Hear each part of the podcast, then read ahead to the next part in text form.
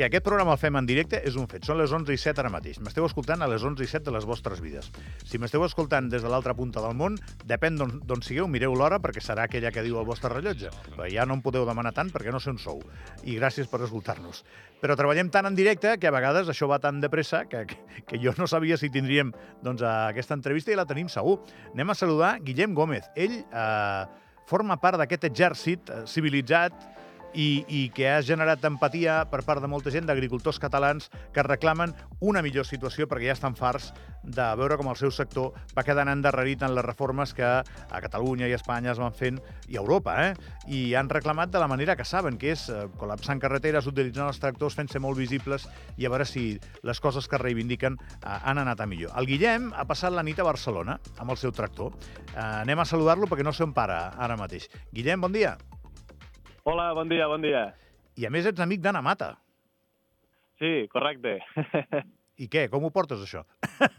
Bé, doncs mira, ara, ara estem, hem arribat eh, els 100 tractors que quedàvem aquí dins a Barcelona, hem arribat al Bruc, i ara estem parant aquí a esmorzar i ara ja cap a casa que estem bastant cansats.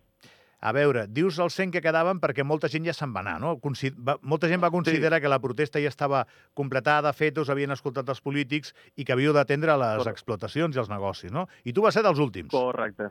Correcte, correcte. Ja quan van parlar amb el Pere Aragonès i van, es van reunir tots allí, ja molts van dir... A veure, hi ha molta gent que havia de marxar perquè, clar, hi ha granges, hi ha animals que cuidar i és lògic i, i s'entén, no? I els que ens van poder quedar, ens van voler quedar, ens vam quedar i a dormir allí i fins l'últim moment, a col·lapsar tot fins l'últim moment. L'Anna m'ha dit aquest matí a les 8, dic, podríem parlar amb un eh, que és amic meu, que és pagès i tal? Dic, encantadíssim, però evidentment, perquè heu estat a tot arreu i no sé si sou conscients de, de, de a quin nivell heu estat notícia.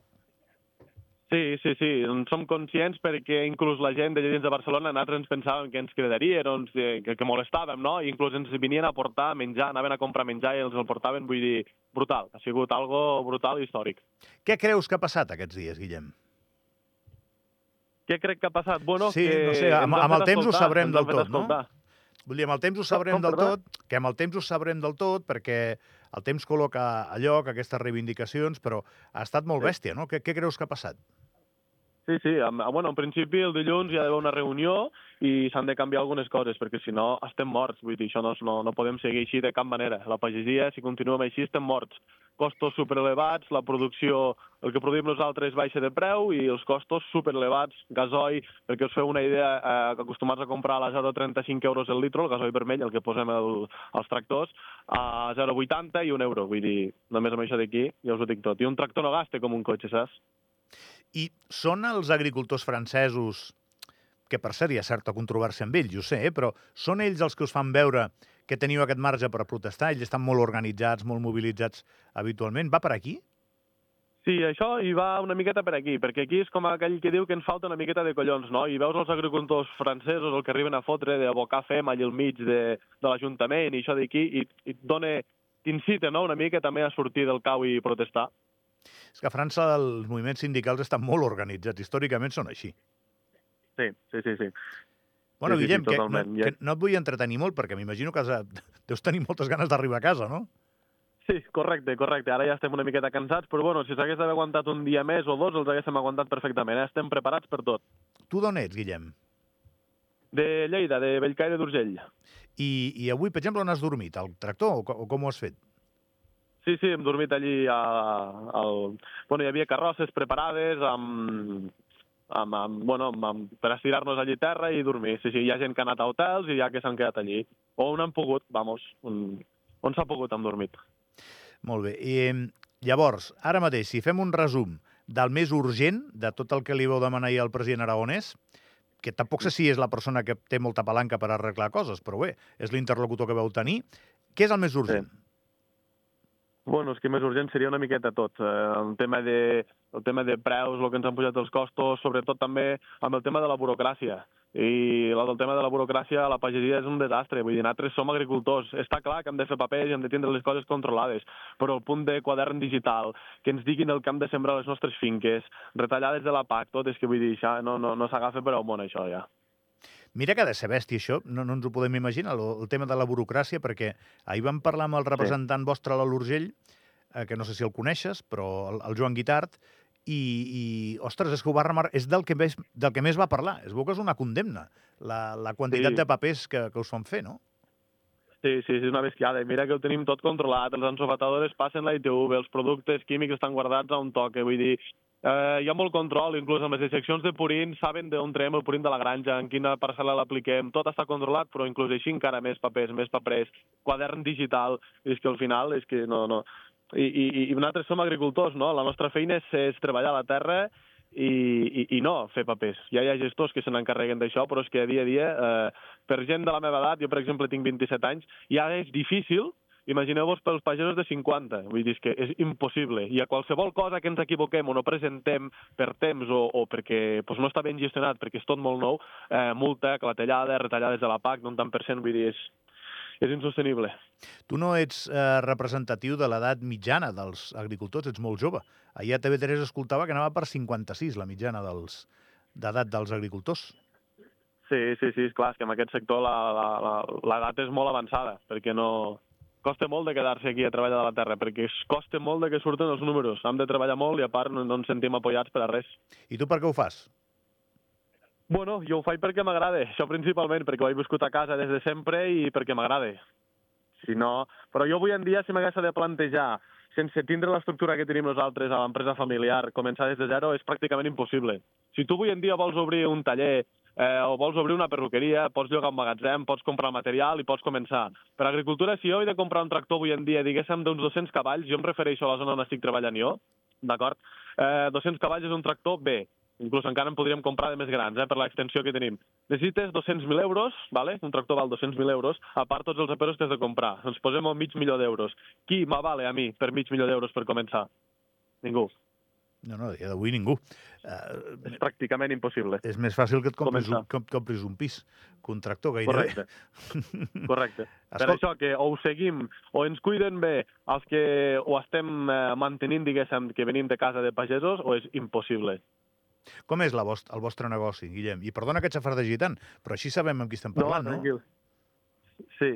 Bueno, el nostre negoci és tenim terra a casa i a part fem serveis a, tres, a tercers, no? Vull dir, si tu, per exemple, tinguessis 10 hectàrees, em podries trucar a mi perquè et vingués a llaurar el tros, te'l vingués a abonar, te'l vingués a cosechar, fem això d'aquí, donem serveis a tercers, serveis agrícoles. Mi saps que des de fora, eh, i evidentment sóc un ignorant total i absolut del dia a dia d'un negoci com el vostre.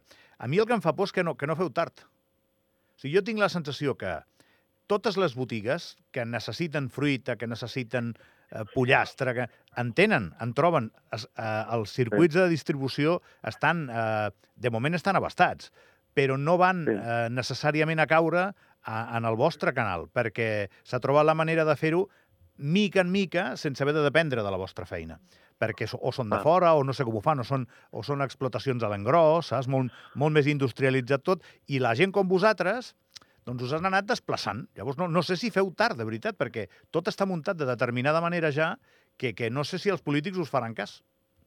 Ja, allà el gran problema és la importació. I els contractes que hi ha, per exemple, en Marroc, que compren allí el menjar, eh, doncs les tomates, per exemple, superbarates, i les d'aquí doncs no, no, no, no hi ha manera de que, de que les facin circular, perquè els costa molt més barat. Però el que no sap la gent quan va comprar, per exemple, com el plàtan de Canàries o la banana, no? les diferències que hi ha, la gent compra la banana per preu, no? perquè al final molts compren per preu.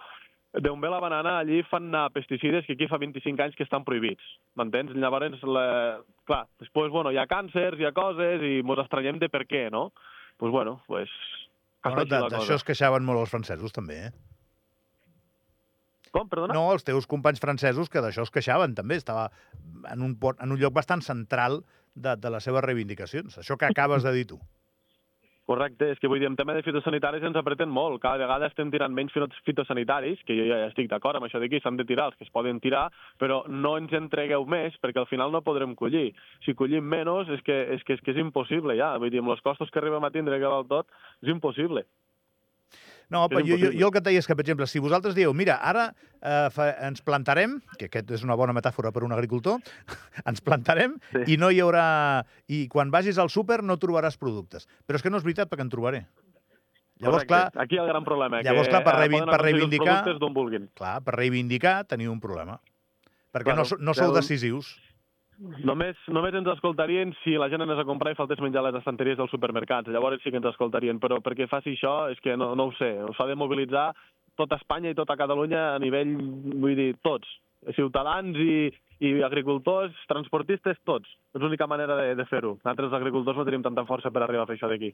Hi ha una segona... impossible. Hi ha una segona cosa que em preocupa, que és que tu te'n recordaràs, com jo, de com sortíem a les finestres a, a picar de mans durant la pandèmia, que estàvem tots enamorats dels metges i, i això dura el que dura. Ahir us van aplaudir, però demà seguirem amb la nostra vida tots i vosaltres seguireu Correcte. amb el vostre problema i això és el que em preocupa també, no? Però bé, Correcte. La, la gent ens n'oblidem molt ràpid del, del que passen les coses. Quan estàvem en pandèmia tots tancats a casa, sí, veiem que els agricultors eh, portaven menjar, els transportistes també no paraven, sí. i ara amb les pujades de preus del gasoil i tot, com que tornem a tindre futbol, tornem a tindre distraccions i tornem a estar igual com si no hagués passat res aquí. Aquí hi ha el gran problema, també. Però bueno, això és molt difícil de canviar-ho. M'havia dit l'Anna que ets un tio molt maco i era veritat. Guillem, cuida't molt, eh? Molt bé, moltes gràcies a vosaltres. Que vagi bé, abraçada i descansa, descansa, Venga. descansa una mica. Ho intentarem, eh, ho intentarem. Tinc a Ruth Casabella a l'estudi, eh? de seguida la saludo, va.